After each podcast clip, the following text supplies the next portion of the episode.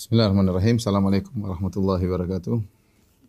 Alhamdulillahi ala ihsani wa syukru lahu ala taufiqihi wa amtinani wa asyhadu an la ilaha illallah wahdahu la syarika lahu ta'ziman li sya'ni wa asyhadu anna Muhammadan abduhu wa rasuluhu da'ila ridwani. Allahumma salli alaihi wa ala alihi wa ashabi wa ikhwani. Para ikhwan dan akhwat yang dirahmati oleh Allah Subhanahu wa taala, para pemirsa yang dirahmati oleh Allah Subhanahu wa taala. Kita lanjutkan bahasan kita pada kesempatan kali ini uh, tentang nama-nama Allah uh, yang terindah dan kita sampai pada nama Al-Wahidul Ahad ya dan juga nanti kita akan bahas tentang As-Samad. Hari ini kita akan bahas Al-Ahad dan As-Samad. Uh, dan kita tahu bahwasanya uh, Al-Ahad As-Samad ini adalah dua nama yang Allah sebutkan dalam surat Al-Ikhlas ya. Yaitu Allah berfirman qul huwallahu ahad Allahus samad lam yalid wa lam yulad wa lam yakul lahu kufuwan ahad. Katakanlah bahwasanya dialah Allah yang Maha Esa, Allahus Samad dan dia adalah As-Samad. Nanti akan kita jelaskan apa maknanya As-Samad. Lam yalid wa lam yulad wa lam yakul lahu kufuwan ahad. Yaitu Allah tidak melahirkan dan tidak dilahirkan dan tidak ada satu pun yang setara dengan Allah Subhanahu wa taala. Uh, surat Al-Ikhlas ya sebagaimana pernah kita jelaskan dalam pengajian kita yang lain disebut dengan surat Al-Ikhlas karena dia adalah surat yang dimurnikan untuk membahas tentang sifat-sifat Allah Subhanahu wa taala. Dimurnikan karena al-ikhlas artinya pemurnian. Padahal kalau kita baca surat al-ikhlas tidak ada kata al-ikhlas. Tidak ada dalam kata dalam surat tersebut ada kata al-ikhlas enggak ada. Tetapi dia disebut dengan al-ikhlas kenapa? Karena dia dimurnikan untuk membicarakan tentang sifat-sifat Allah semata, tidak ada pembahasan yang lain. Dan surat ini turun ketika orang-orang musyrikin datang kepada Rasulullah SAW dengan berkata, Ya Muhammad, umsub lana rabbana. Uh, umsub lana rabbak. Ya Muhammad, sifatilah. Atau sif lana rabbak. Sifatilah kepada kami. Bagaimana? Sebutkanlah sifat-sifat Rabbmu. Maka Nabi SAW tidak menjawab. Sampai akhirnya turun firman Allah Subhanahu Wa Taala mengajarkan kepada Nabi bagaimana cara menjawab pertanyaan orang-orang musyrikin tersebut. Yaitu, Qul huwallahu ahad. Allahu samad lam yalid wa lam yulad wa lam yakul lahu kufuwan ahad. Ya. Maka uh, surat ini disebut dengan Al-Ikhlas karena khusus menyebut tentang sifat-sifat Allah, ya. Dan kita tahu bahwasanya surat Al-Ikhlas, ya. Surat Al-Ikhlas, ya. Uh, dia nilainya adalah sama dengan sepertiga Al-Quran. Ya, sepertiga Al-Quran. Ya, kenapa nilainya sepertiga Al-Quran? Ya tadi, karena isinya khusus membahas tentang sifat-sifat Allah.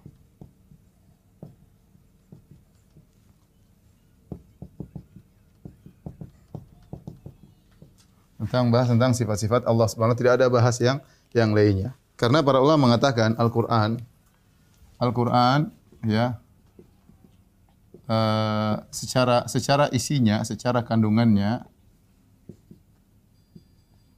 kandungannya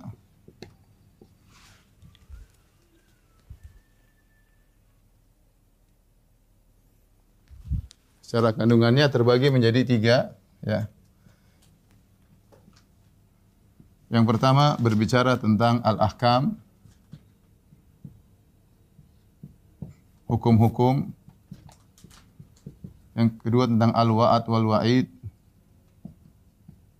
tentang uh, janji dan ancaman. Ya.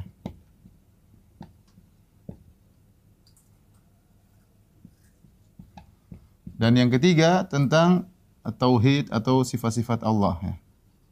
Sifat-sifat Allah. Kata para ulama dan disebut oleh Qurtubi dan yang lainnya, ditinjau dari pembagian Al-Quran seperti ini, maka di sini ada surat Al-Ikhlas. Surat Al-Ikhlas. Sehingga ditinjau dari hal ini, surat Al-Ikhlas menjadi sepertiga Al-Quran. Sepertiga Al-Quran. Taib, apa makna sepertiga Al-Quran di sini? Apa maknanya? Apa makna sepertiga Al-Quran? Ibn Taimiyah rahimahullah taala dalam kitab Majmu' Fatawa merajikan bahawa yang dimaksud dengan sepertiga Al-Quran adalah sepertiga pahala ya uh, mem, pahala membaca khatam Quran. Membaca Al-Quran. Maksudnya, maksudnya kalau kita baca ya, maksudnya kalau kita baca kita baca surat Al-Ikhlas. Ya, Al-Ikhlas pahalanya ya ya kalau benar-benar tulus sama dengan pahala 10 juz ya. Pahala 10 10 juz ya. Fadlullahi yu'tihi may yasha, fadlullahi wasi'. Karunia Allah luas, Allah mau kasih pahala sebanyak-banyaknya terserah Allah Subhanahu wa taala. Datang dalam sebagian dalam sebagian apa amalan soleh terkadang pahalanya sangat besar. Ya terserah Allah Subhanahu wa taala ya. Dan kita dapati hal itu banyak dalam syariat kita. Contohnya seperti pergi sholat di Masjid Kuba seperti umrah ya. Kemudian contohnya puasa tiga hari seperti puasa selama sebulan. Ramadan sama puasa Syawal seperti puasa setahun ya. Banyak ya. Dan ini eh, pendapat Ibn Taimiyah rahimahullah taala. Namun beliau berkata, beliau berkata, bukan berarti kalau seorang membaca uh, Al-Ikhlas tiga kali berarti dia sudah khatam Quran. Berarti dia sudah khatam Quran. Jawabannya tidak.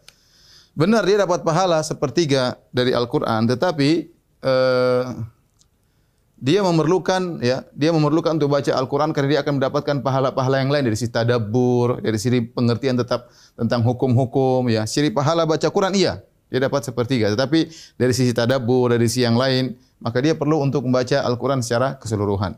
Beliau berkata seperti begini, sederhananya dia kasih beliau kasih gambaran seperti seorang dia punya kebutuhan banyak, dia punya kebutuhan baju, dia punya kebutuhan makanan, dia punya kebutuhan duit, dia punya kebutuhan rumah. Ternyata total kebutuhannya misalnya, total kebutuhannya misalnya setelah dikalkulasi misalnya kebutuhannya 100 juta. Lah, dia punya uang 33 juta, 33 juta. Ya. Beda tatkala dia punya uang 33 juta atau dia punya uang uh, 30 juta toh dibandingkan dengan dia punya kebutuhan yang lain.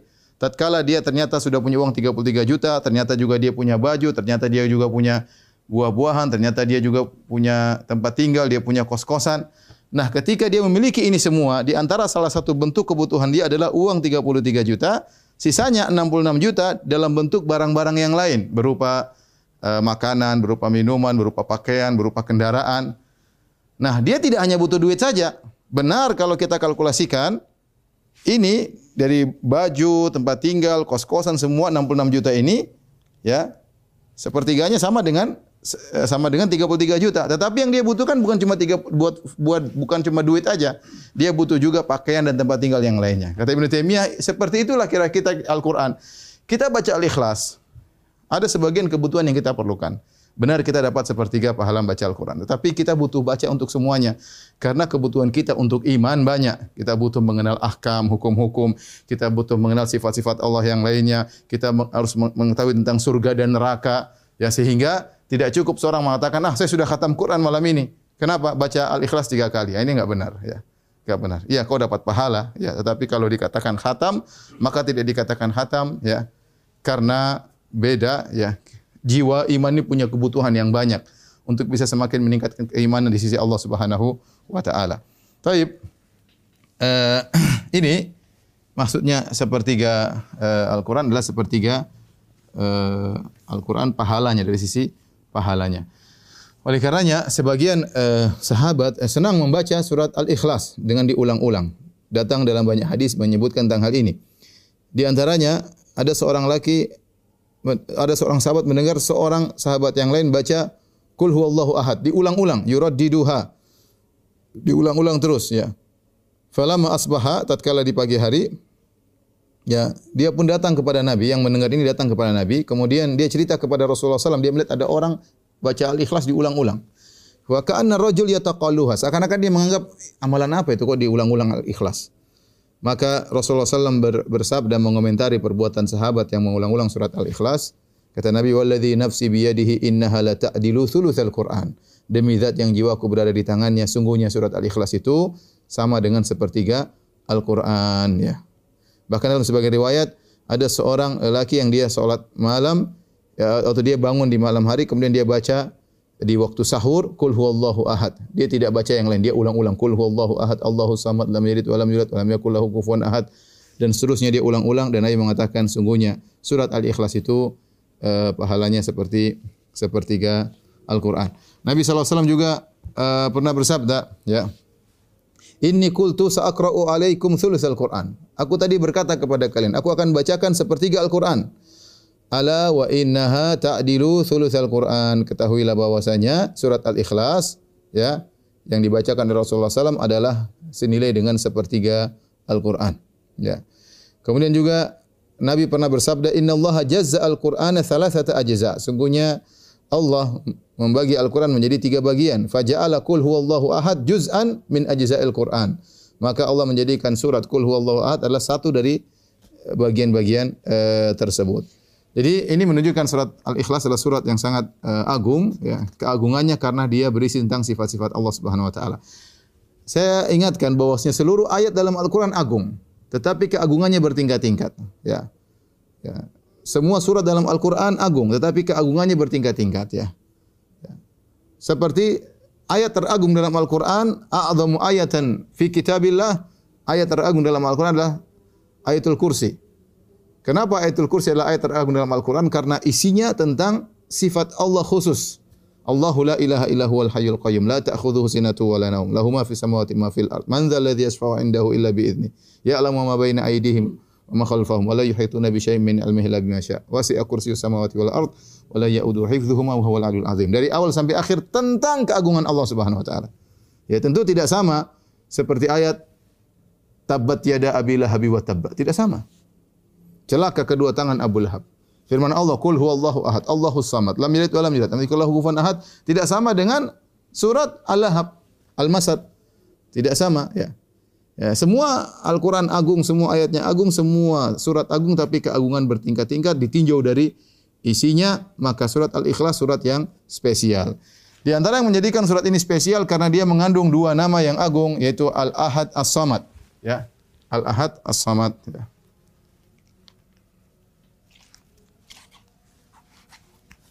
Yang menjadikan surat ini agung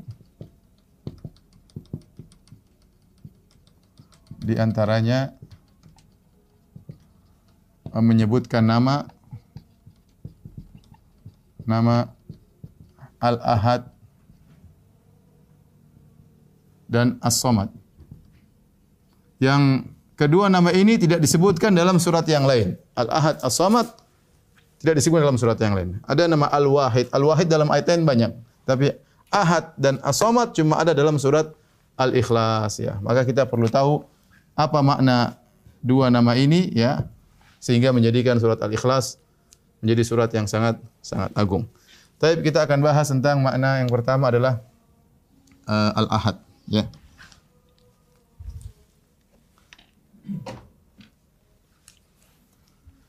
Nama Allah Al-Ahad.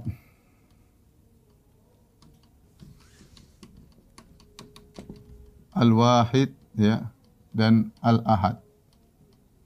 Maknanya adalah Maha Esa, Maha Tunggal ya. Atau Maha atau Maha Esa. Ya, Maha Tunggal atau Maha Maha Esa ya. Adapun Al-Ahad ya cuma datang dalam surat Al-Ikhlas. Qul huwallahu ahad. Huwallahu ahad. Katakanlah dia Allah yang Maha Esa. Adapun Al-Wahid datang dalam banyak ayat ya. Ini dalam banyak ayat. Akan kita singgung insyaallah taala. Ya. Uh, apa makna Al-Ahad? Dia adalah Maha Esa. Maknanya maknanya Maha Esa. Ya.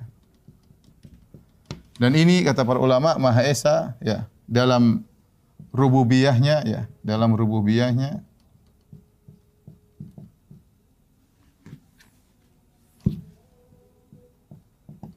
kemudian dalam uluhiyahnya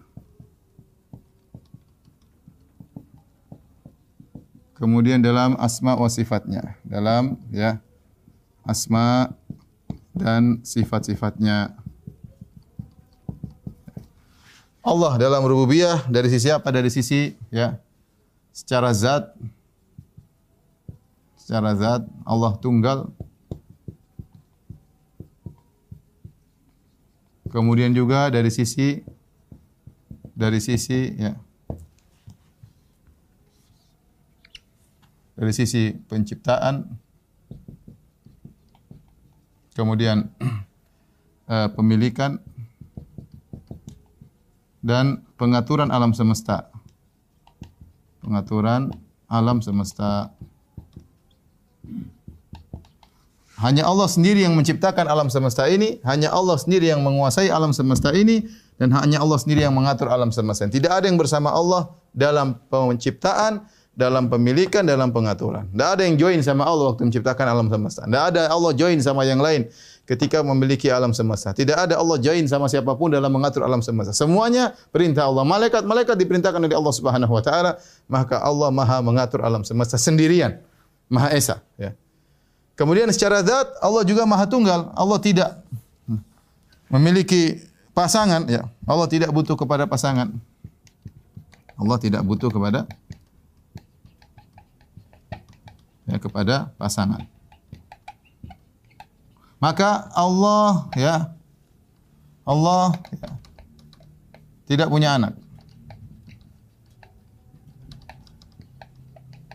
Kemudian Allah ya uh, bukan satu dari yang tiga.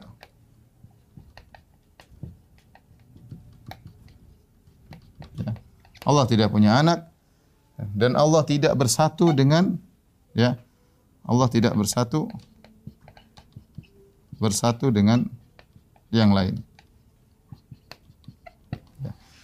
Makanya dalam Al-Quran ketika Allah menyebutkan tentang penafian tersebut, ya, misalnya uh, dalam pengaturan pemilikan penciptaan alam semesta, Allah Subhanahu Wa Taala berfirman, Inna ilahakum lawahid.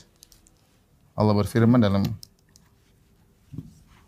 kata Allah, Inna ilahakum lawahid dalam surat As-Saffat.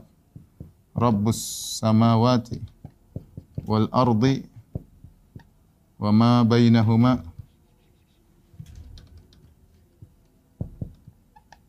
Wa rabbul masyariq. Kata Allah Subhanahu wa taala sungguhnya Tuhan kalian la wahid maha esa Dialah Rabbus samawati wal ardi. Dialah sendirian yang menguasai langit dan bumi. Wa ma bainahuma dan apa yang di antara keduanya. Wa Rabbul masyarik dan dia menguasai segala arah timur. Ya. Jadi Allah ingin jelaskan Allah Maha Esa maka dia sendirian dalam rububiyahnya. Hanya dia yang menciptakan alam semesta, dia mengatur alam semesta. Ya. Makanya dia Allah buka dengan Inna ilahakum la Sungguhnya Allah Maha Esa. Yang konsekuensinya bahwasanya penciptaan, pemilikan, pengaturan semuanya Allah sendirian, tidak bersama dengan yang lainnya. Ya. Allah tidak punya anak. Dalam Al-Quran Allah mengatakan, Lau arada ayat takhidha walada. Dalam surat Az-Zumar, kata Allah subhanahu wa ta'ala, Lau arada Allah ayat takhidha walada, lastofa mimma yakhluku ma yasha. Subhanahu huwa Allahul wahidul kohar. Dalam surat Az-Zumar, kata Allah subhanahu wa ta'ala, Lau arada Allah ayat takhidha walada lastafa mimma yakhluqu ma yasha. Subhanahu huwallahul wahidul qahar huwallahul wahidul qahar kata Allah kalau Allah mau ambil anak Allah akan ambil anak dari siapa makhluk yang dia kehendaki? Subhana tapi Allah tidak mengambil anak. Kenapa? Huwallahul wahidul qahar karena Allah maha esa ya. Allah maha esa dan Allah maha kuasa. Tidak butuh dengan uh, anak dan yang lainnya ya seperti juga tatkala Allah membantah orang-orang yang menganggap Allah satu dari yang tiga. Kata Allah Subhanahu wa taala, ya, "Wala taqulu thalatha intahu khairan lakum innamallahu ilahu wahid." Kata Allah Subhanahu wa taala, "Wala taqulu thalatha intahu khairul khairan lakum innama" ya. Kata Allah Subhanahu wa taala, uh, "Innamallahu ilahu wahid." Innamallahu ilahun wahid. Jadi konsekuensi dari Allah Maha Esa Allah tidak menerima dia satu dari yang tiga. Dia tidak terima juga punya anak karena itu membatalkan sifat Allah Al-Wahidul Ahad. Batal. Kalau kita bilang Allah punya anak, ada yang bersama Allah mengatur alam semesta, berarti Allah tidak lagi Al-Wahidul Ahad. Dalam uluhiyah Allah Subhanahu wa taala berfirman wa ilahukum ilahu wahidul la ilaha illa huwar rahmanur rahim. Wa ilahukum ilahun wahidun la ilaha illa huwar rahmanur rahim. Perhatikan kata Allah Subhanahu wa taala dan Tuhan kalianlah Tuhan yang esa La ilaha illahu, tidak ada yang berhak disembah kecuali Allah. Karena konsekuensi dari Allah Maha Esa, maka dia sendiri yang berhak untuk disembah. Barang siapa yang menyembah selain Allah, menyembah makhluk, menyembah malaikat, menyembah jin, menyembah manusia, menyembah batu, menyembah pohon, menyembah wali yang sudah mati, menyembah nabi, ya, menyembah sapi, menyembah tikus, menyembah apapun yang disembah, maka dia tidak mengesahkan Allah, maka Allah batal jadi eh, ilahun wahid ya. Allah cuma dia yang berhak untuk di, disembah. Kalau Allah membolehkan, membolehkan ada yang disembah selain Allah, maka batalah ya ilahun wahid. Ya. Demikian juga Allah Maha Esa dalam uh, nama-nama dan sifat-sifatnya. Ya. Kata Allah Subhanahu Wa Taala, arbabun mutafarriquna amillahul wahidul qahar. Apakah sembahan yang berbeda-beda lebih baik ataukah Allah yang Al-Wahidul Qahar? Tidak ada yang menyamai Allah, maka Allah Maha dalam asma dan sifat-sifatnya. Allah Maha melihat tidak ada yang menyamai penglihatan Allah. Allah Maha mendengar tidak ada yang menyamai pendengaran Allah Subhanahu wa taala. Allah Maha mencipta tidak ada yang menyamai Allah Subhanahu wa taala. Allah Maha tinggi tidak ada yang menyamai ketinggian Allah Subhanahu wa taala. Allah Maha agung tidak ada yang menyamai keagungan Allah Subhanahu wa taala. Allah Maha berilmu mengetahui yang gaib tidak ada yang menyamai Allah Subhanahu wa taala. Qul la ya'lamu man fis samawati wal ardi ghaiba illa Allah. Katakanlah tidak ada yang tahu hal gaib di langit dan di bumi, malaikat, manusia di atas bumi, tidak ada yang tahu gaib kecuali Allah Subhanahu wa taala. Jadi ini makna dari uh, makna al-wahidul ahad, ya. Ini maknanya adalah Allah Maha Esa dalam uh, segala hal. Tapi kalau sudah tolong dihapus kita masuk pada makna yang kedua yaitu as-samad.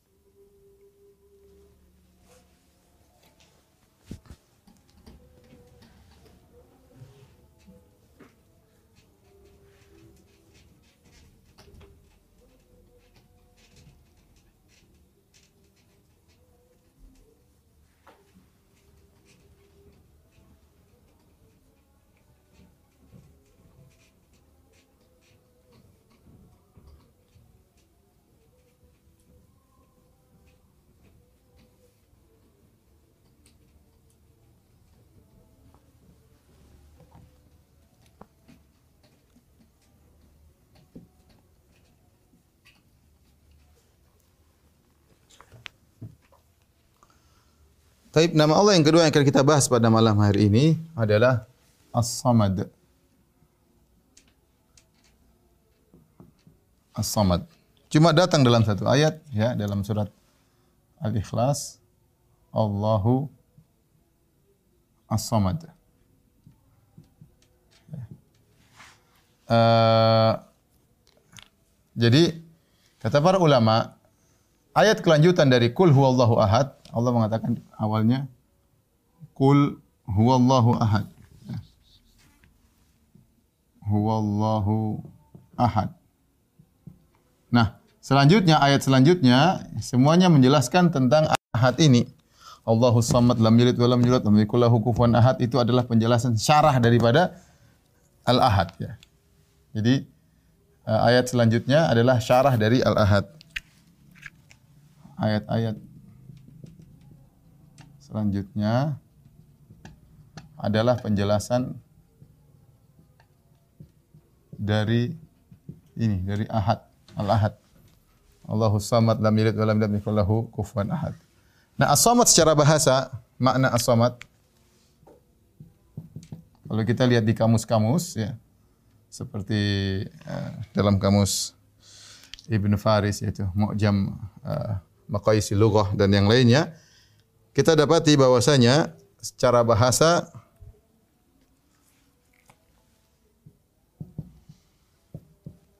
di antara makna secara bahasa ada beberapa makna. Di antaranya ya uh, maknanya adalah al-qasdu. Uh, tujuan. Sehingga yang dimaksud dengan as-samadu sehingga as-samadu ya dalam bahasa Arab artinya al-masmudu ilaih. Al masmudu ilaihi ini al-samad fa'al tapi maknanya seperti isim fa isim maf'ul yaitu yang dituju yang dituju. Uh, kemudian makna as-samad yaitu uh, mengandung makna uh, apa namanya al-ijtima mengandung makna al-ijtima yaitu perkumpulan ya. Ya, kenapa? Karena as-samad ya, karena as-samad tidak dikatakan as-samad kecuali terkumpul kepadanya sifat-sifat yang mulia.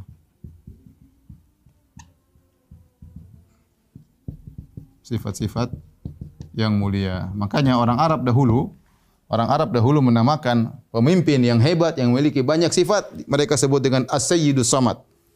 Dan disebut dalam syair-syair mereka. Orang-orang Arab dahulu, Arab jahiliyah, orang Arab dahulu, menamakan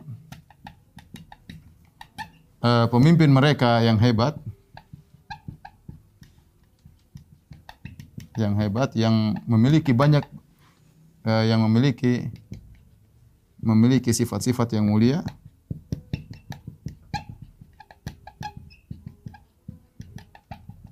Dengan dinamakan dengan as-sayyidu as-samadu.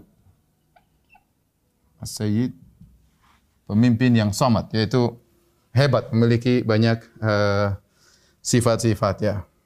Ada makna yang lain dalam bahasa Arab seperti menunjukkan makna as-salabah ya, yaitu kokoh. Kokoh, kuat. Ya. Dan ini disebutkan oleh Ibn Faris dalam Mu'jam Aqaisil Lughah. Nah, ini adalah makna as-samad secara uh, bahasa ya dan tentu dia punya kaitan dengan secara istilah. Apa makna as-samad secara istilah ya?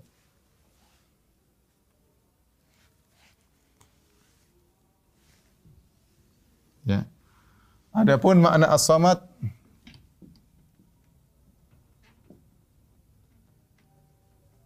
secara istilah jadi ada kalau kita bilang bahasa kerennya terminologi kalau itu etimologi ya ini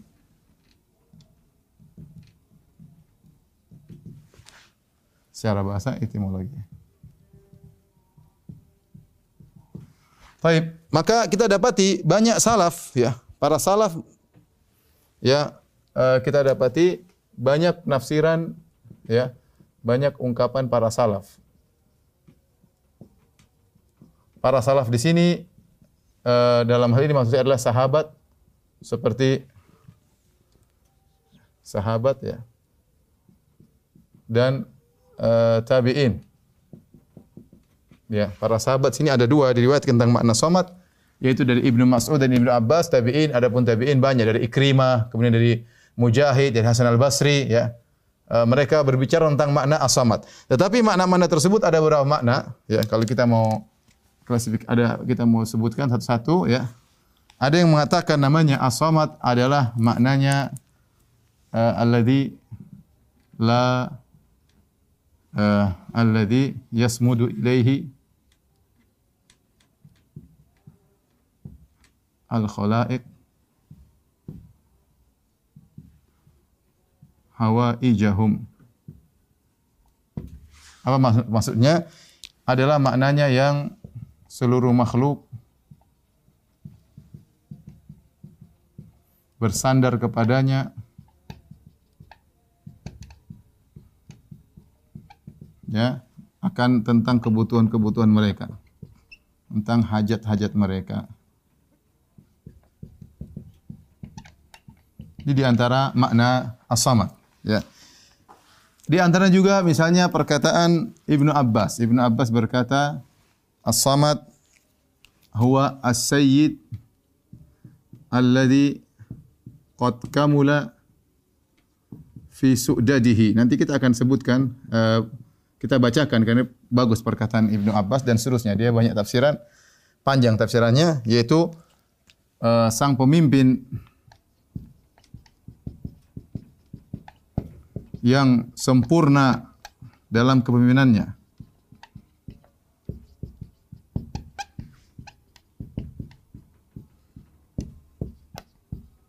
Ada lanjutannya nanti. Kemudian di antaranya makna as-samad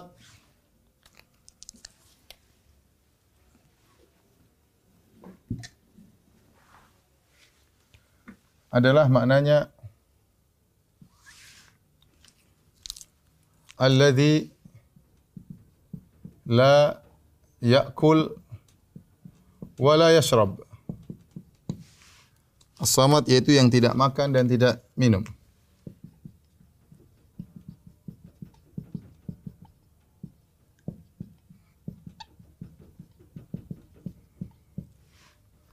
Kemudian makna as-samad di antaranya ya. Alladhi la yahtaju ila ghairihi wa ghairuhu yahtaju ilaihi Maknanya adalah yang tidak membutuhkan selainnya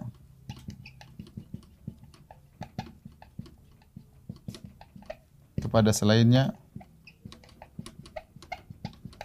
dan yang lain membutuhkan kepadanya.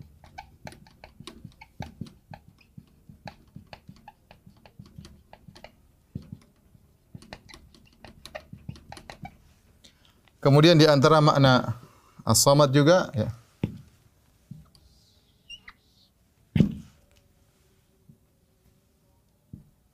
Di antara makna as-samad ya. Ini juga diriwayatkan dari bagian salaf alladzi la jaufa lahu yaitu yang tidak berongga, tidak ada rongganya. Ini di antara makna-makna uh, as-samad dan ini semua tafsir datang dari para salaf kita bisa dalam buku-buku tafsir dinukilkan oleh Ibnu Katsir dinukilkan oleh Ibnu Jarir At-Tabari uh, kemudian dinukil oleh Ibnu Abi Asim dalam kitabnya As-Sunnah dan banyak ya. Ini disebut dengan ya tafsir al-ikhtilaf ya al-ikhtilaf at-tanawwu ikhtilaf at-tanawwu.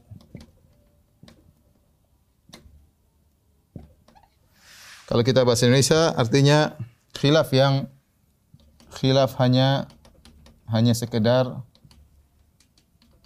sekedar uh, variasi dan tidak kontradiktif. Ya. Dan tidak kontradiksi. Maksudnya apa? Maksudnya semua ini benar. Jadi masing-masing uh, menafsirkan dari sisi pandangan yang berbeda. Contoh seperti tatkala uh, firman Allah, "Ihdinas siratal mustaqim." Tunjukkanlah kepada kami jalan yang lurus. Ketika ditanya apa yang dimaksud siratal mustaqim, terjadi khilaf di kalangan para salaf. Ada yang mengatakan siratal mustaqim jalan lurus maksudnya Islam. Ada yang mengatakan siratal mustaqim maksudnya adalah Al-Qur'an.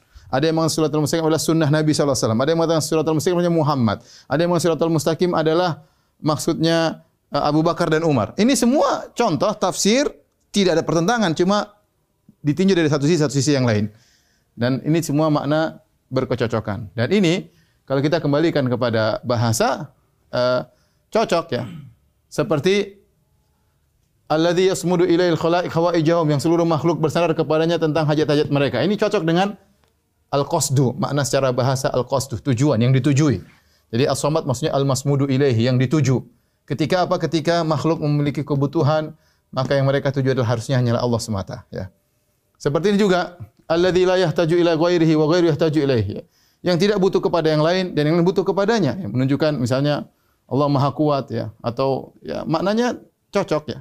Kemudian seperti ini As-Sayyid alladhi qad kamula fi su'dadihi. Ini saya akan bacakan perkataan uh, Ibnu Abbas ya. Rawa Ibnu Jarir At-Tabari fi tafsirihi. Ibnu Jarir At-Tabari menafsirkan uh, meriwayatkan dalam tafsirnya dari Ibnu Abbas radhiyallahu anhu ya sahabat menafsirkan makna as-samad dan kita tahu tafsir terbaik adalah Al-Qur'an ditafsirkan Al-Qur'an. Kalau tidak ada maka Al-Qur'an ditafsirkan dengan hadis. Ternyata kita tidak dapati Nabi menafsirkan as-samad. Ya. Uh, yang kemudian setelah itu baru tafsir uh, Al-Qur'an dengan perkataan para sahabat, ya, para salaf, ya. Apa kata Ibnu Abbas? Karena mereka para salaf yang lebih tahu tentang isi Al-Qur'an. Apalagi Ibnu Abbas adalah mufassirnya para sahabat, ahli tafsirnya. Kata Ibnu Abbas, As-Samad, As-Sayyid alladhi qad kamula fi su'dadihi. As-Samad adalah pemimpin yang telah sempurna dalam kepemimpinannya. As-Syarif alladhi qad kamula fi syarafihi, yaitu yang termulia yang telah sempurna dalam paling sempurna dalam kemuliaannya. Al-Azim alladhi qad kamula fi azamatihi, yang agung, maha agung yang telah sempurna dalam keagungannya. Al-Halim alladzi qad kamula fi hilmihi yaitu yang maha halim yaitu maha bijak yang sempurna dalam kebijakannya. Wal ghani yang maha kaya. Alladzi qad kamula fi ghinahu yang telah sempurna dalam kekayaannya. Al jabbar yang maha kuasa. Alladzi qad kamula fi jabarutihi yang sempurna dalam kekuasaannya. Al alim alladzi qad kamula fi ilmihi yang maha ilmu yang sempurna dalam ilmunya. Al hakim ya yang maha hakim yang maha bijak. Qad kamula fi hikmati yang yang yang sempurna dalam hikmahnya. Wa huwa alladzi qad kamula fi anwa'i syaraf was su'dat dan dialah Allah yang telah sempurna dalam berbagai macam kemuliaan dan berbagai macam kepemimpinan. Wa huwa Allah Subhanahu. Hadhihi sifatuhu, inilah sifat-sifatnya la tambagi illa lahu, yang tidak pantas kecuali hanya untuk Allah Subhanahu wa taala.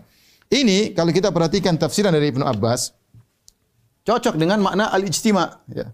Sang pemimpin yang sempurna, yang maha kaya, yang maha bijak, yang maha mulia, yang maha agung, ya. Artinya seluruh sifat-sifat tersebut terkumpul kepada Allah Subhanahu wa taala, maka di antara makna ijtima yaitu terkumpul banyak sifat kepada uh, zat tersebut. Oleh karena orang Arab dahulu tidak menamakan uh, orang pemimpin yang samad, as-sayyidu samad kecuali dia telah memiliki sifat-sifat yang yang sempurna. Dan kita bisa ambil faedah juga dari pengertian Ibnu Abbas ketika menafsirkan as-samad bahwasanya para salaf dahulu mereka bukan tafwid. Tafwid itu apa kata Ahlul Bidah?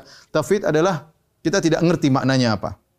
Ya, kalau ada ayat tentang sifat kita enggak ngerti, kita serahkan maknanya kepada Allah. Para salaf enggak dulu, mereka tafsirkan. As-samad maksudnya begini, ada yang bilang begini, ada yang bilang begini, berarti mereka paham. Cuma bagaimananya mereka tidak tahu. Bagaimananya mereka tidak tahu, mereka menjelaskan kesempurnaan. Ya. Bagaimana? Tidak ada yang tahu. Allah Maha melihat. Bagaimana melihatnya? Allah kita enggak tapi Allah Maha melihat bisa melihat segalanya. Allah Maha ilmu, Maha alim. Ilmunya bagaimana? Enggak ada yang tahu. Tapi kita yakin ilmu Allah meliputi segala sesuatu ya. Jadi mereka uh, menafsirkan. Jadi tidak benar mengatakan salah bahwasanya mazhab mereka adalah tafwid. Tidak tahu, tidak ngerti, serahkan kepada Allah. Tidak. Yang mereka tidak tahu adalah bagaimananya. Adapun maknanya mereka paham. Taib ini cocok juga dengan bahasa. Kemudian juga di antara makna samad alladzi la ya'kulu wa la yashrab. Yang tidak makan, tidak minum, ya. Ya, buktinya artinya Allah Maha Kaya, tidak perlu makan, tidak perlu uh, tidak perlu uh, minum dan ini makanya ketika Allah membantah tentang Nabi Isa dan ibunya, Allah hanya mengatakan wa ummuhu siddiqah kana ya'kulani ta'am. Nabi Isa seorang nabi, ibunya Maryam adalah wanita yang siddiqah, wanita yang benar-benar jujur, yang bertakwa. Setelah itu Allah berkata, kana ya'kulani ta'am. Keduanya makan makanan. Tidak pantas jadi Tuhan. Sudah bantahan yang telak Tuhan kau makan selesai. Nabi Isa lapar alaihissalam. Lapar bukan Tuhan, ibunya juga lapar. Allah kasih makanan kepada ibunya. Bagaimana mau dianggap Tuhan? Kana yakulani ta'am, tidak pantas dengan as-samad. Yang jadi Tuhan hanyalah as-samad, ya. Kemudian di antara makna alladzi la jawfa lahu tidak ada rongganya. Ini menunjukkan tentang zat Allah seperti itu. Bagaimana yang kita enggak tahu? Ya, karena as-samad maknanya al-musmad dan juga diartikan al-musmad dengan ta. Ini pembahasan bahasa ada namanya al-istiqaqul kabir tapi antum tidak paham tapi intinya tidak ada uh, rongganya. Tidak ada rongganya. Ini berbicara tentang zat Allah lafal ini diingkari oleh Ar-Razi. Ar-Razi dalam kitabnya At-Taqdis mengatakan ini tidak pantas diucapkan. Dia mengatakan ini berarti Allah jism. Kalau bilang Allah tidak ada rongganya, zatnya berarti Allah jism dan dibantah oleh Ibnu Taimiyah dalam kitabnya min uh, apa namanya uh, Bayan Talbisul Jahmiyah. Kata Ibnu Taimiyah ya Allah menjelaskan zatnya demikian. Karena kelaziman dari Allah tidak ada rongganya berarti Allah tidak melahirkan dan Allah juga tidak dilahirkan. Allah tidak makan, tidak minum, tidak ada. Kalau orang makan dan minum kan butuh ada rongga untuk makan dan minum. Kalau kita manusia. Allah tidak butuh, tidak ada rongga sehingga dia tidak beranak. Kalau beranak berarti mungkin harus mengandung dan yang lainnya ada keluar dari dia. Allah tidak ada rongga. Kemudian Allah tidak makan dan tidak minum dan ini perkataan para salaf. Datang dari perkataan para para salaf. Tetapi bagaimana zat tersebut tidak ada yang tahu. Ya. Dan ini mana mirip dengan bahwasanya as-samad maknanya salabah, kokoh. Bahwasanya zat Allah adalah kuat dan Allah disifati dengan dzul quwwatil matin. Allah yang maha kuat. Ya.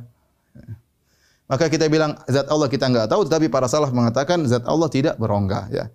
Ya ini ini makna as-samad.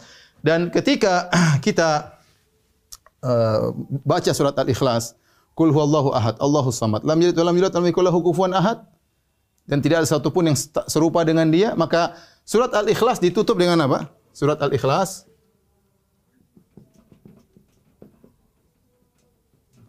ditutup dengan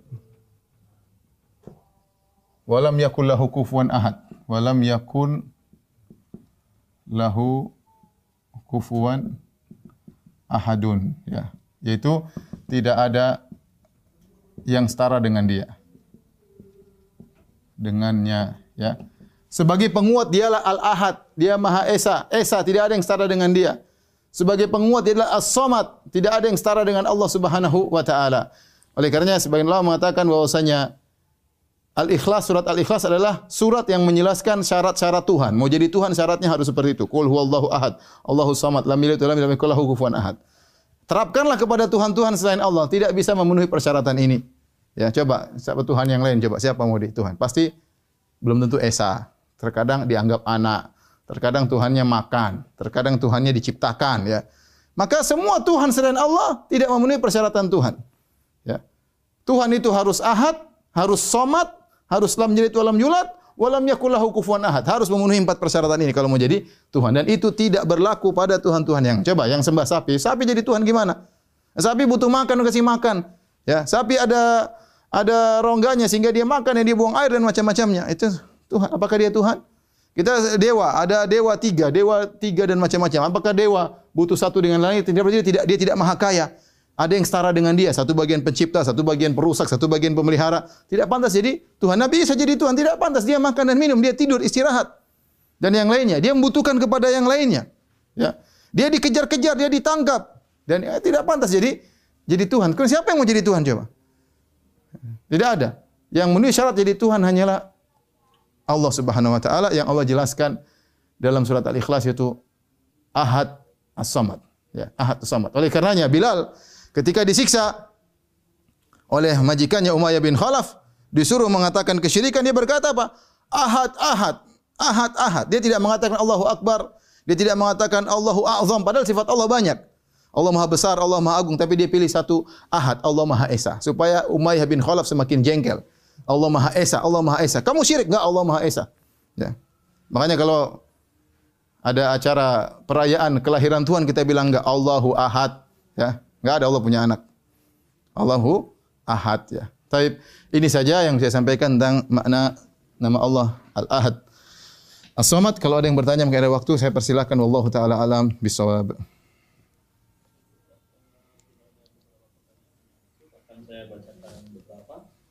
Pertama dari Prima, e, pertanyaannya, Ustaz, apa betul bila kita spesifik minta sesuatu kepada Allah dan disertai dengan menyebut asmaul husna yang berkaitan dengan yang kita minta, maka akan mempercepat terkabulnya doa. Iya, uh, itu benar bahwasanya uh, di antara kita beribadah kepada Allah adalah dengan bertawassul dengan nama-namanya. Allah berfirman, "Walillahil asmaul husna fad'uuhu biha." Allah memiliki nama-nama yang terindah, maka berdoalah dengan nama-nama tersebut. Prakteknya bagaimana kata para ulama? Ya kita memuji Allah. Kemudian ada kebutuhan kita khusus maka kita sebutkan ya. Seperti Nabi Sulaiman ketika minta dianugerahkan dengan kerajaan yang luar biasa. Wahabli mulkan la yang bagi li ahadin min ba'di innaka antal wahhab. Ya Allah anugerahkanlah kepada aku kerajaan yang tidak boleh seorang pun ya, apa kemudian yang yang memiliki yang, yang sama ya, tidak boleh ada seorang pun setelah memiliki kerajaan seperti itu sungguhnya engkau maha pemberi anugerah ya. Seperti warzuqni dalam Al-Qur'an warzuqni wa anta khairur raziqin. Berilah rezeki kepadaku ya Allah dan engkau sebaik-baik pemberi uh, rezeki. Dan seperti itu ya. Kalau kita minta ampun kita bilang Allah maghfirli wa anta khairul ghafirin. Ya. Astaghfir astaghfiru lakum rabbi innahu huwal ghafurur rahim. Ya, kata Nabi Yusuf kepada kepada kakak-kakaknya, aku akan mohon ampunan buat kalian. Ya, sungguhnya Allah Maha Pengampun lagi Maha Penyayang. Ya, jadi uh, kita berusaha meminta. Ya, tapi kalau kita misalnya uh, meminta dengan mengatakan Allah Rabbana maka itu cukup. Maksudnya itu sudah cukup. Mau kita tambah dengan nama-nama lebih khusus itu lebih baik lagi. Ya. Oleh karenanya uh, kita boleh berdoa dengan banyakkan doa-doa dengan Rabbana ya Rabbi ya. Dan itu karena pengkabulan doa berkaitan dengan rububiyah Allah Subhanahu wa taala. Kemudian kita sebutkan secara khusus maka itu lebih uh, lebih baik ya. Taib, ada lagi yang bertanya?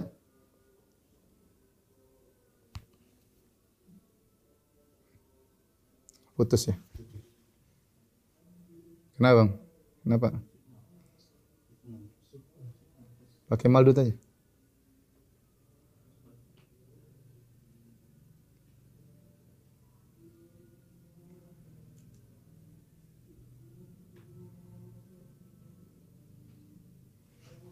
Habis ya pulsanya kah?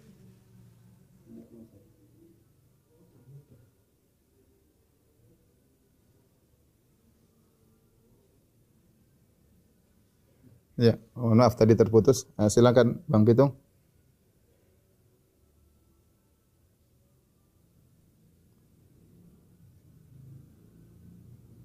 Silakan Bang Pitung.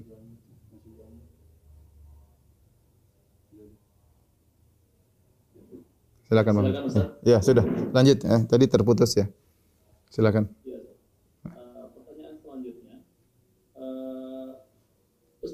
Dari Abu Hamam di Sukoharjo, Ustaz, apakah dibenarkan apabila Asmaul Husna dilakukan seperti sebagian ulama yang sering membawakannya?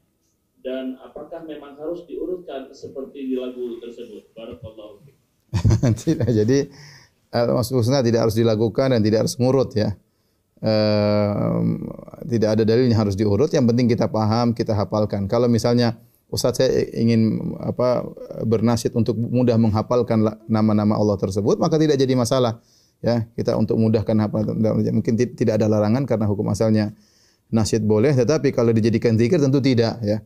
Tentu tidak ya. Tidak mengatakan Allahul apa Allahus Samadul Ahadul Al-Kabir Al-Akbar dan seterusnya itu bukan zikir, tapi kita dalam rangka untuk uh, memahami, untuk kita pahami maknanya ya. Tapi kalau untuk jadikan zikir Allahu Akbar apa namanya Akbar Akbar Akbar Akbar ya tentu atau kabir kabir kabir somat somat somat somat tentunya tidak ya. ya kita mengingat Allah dan kita uh, menyebut nama Allah ketika kita berdoa kepada Allah Subhanahu wa taala.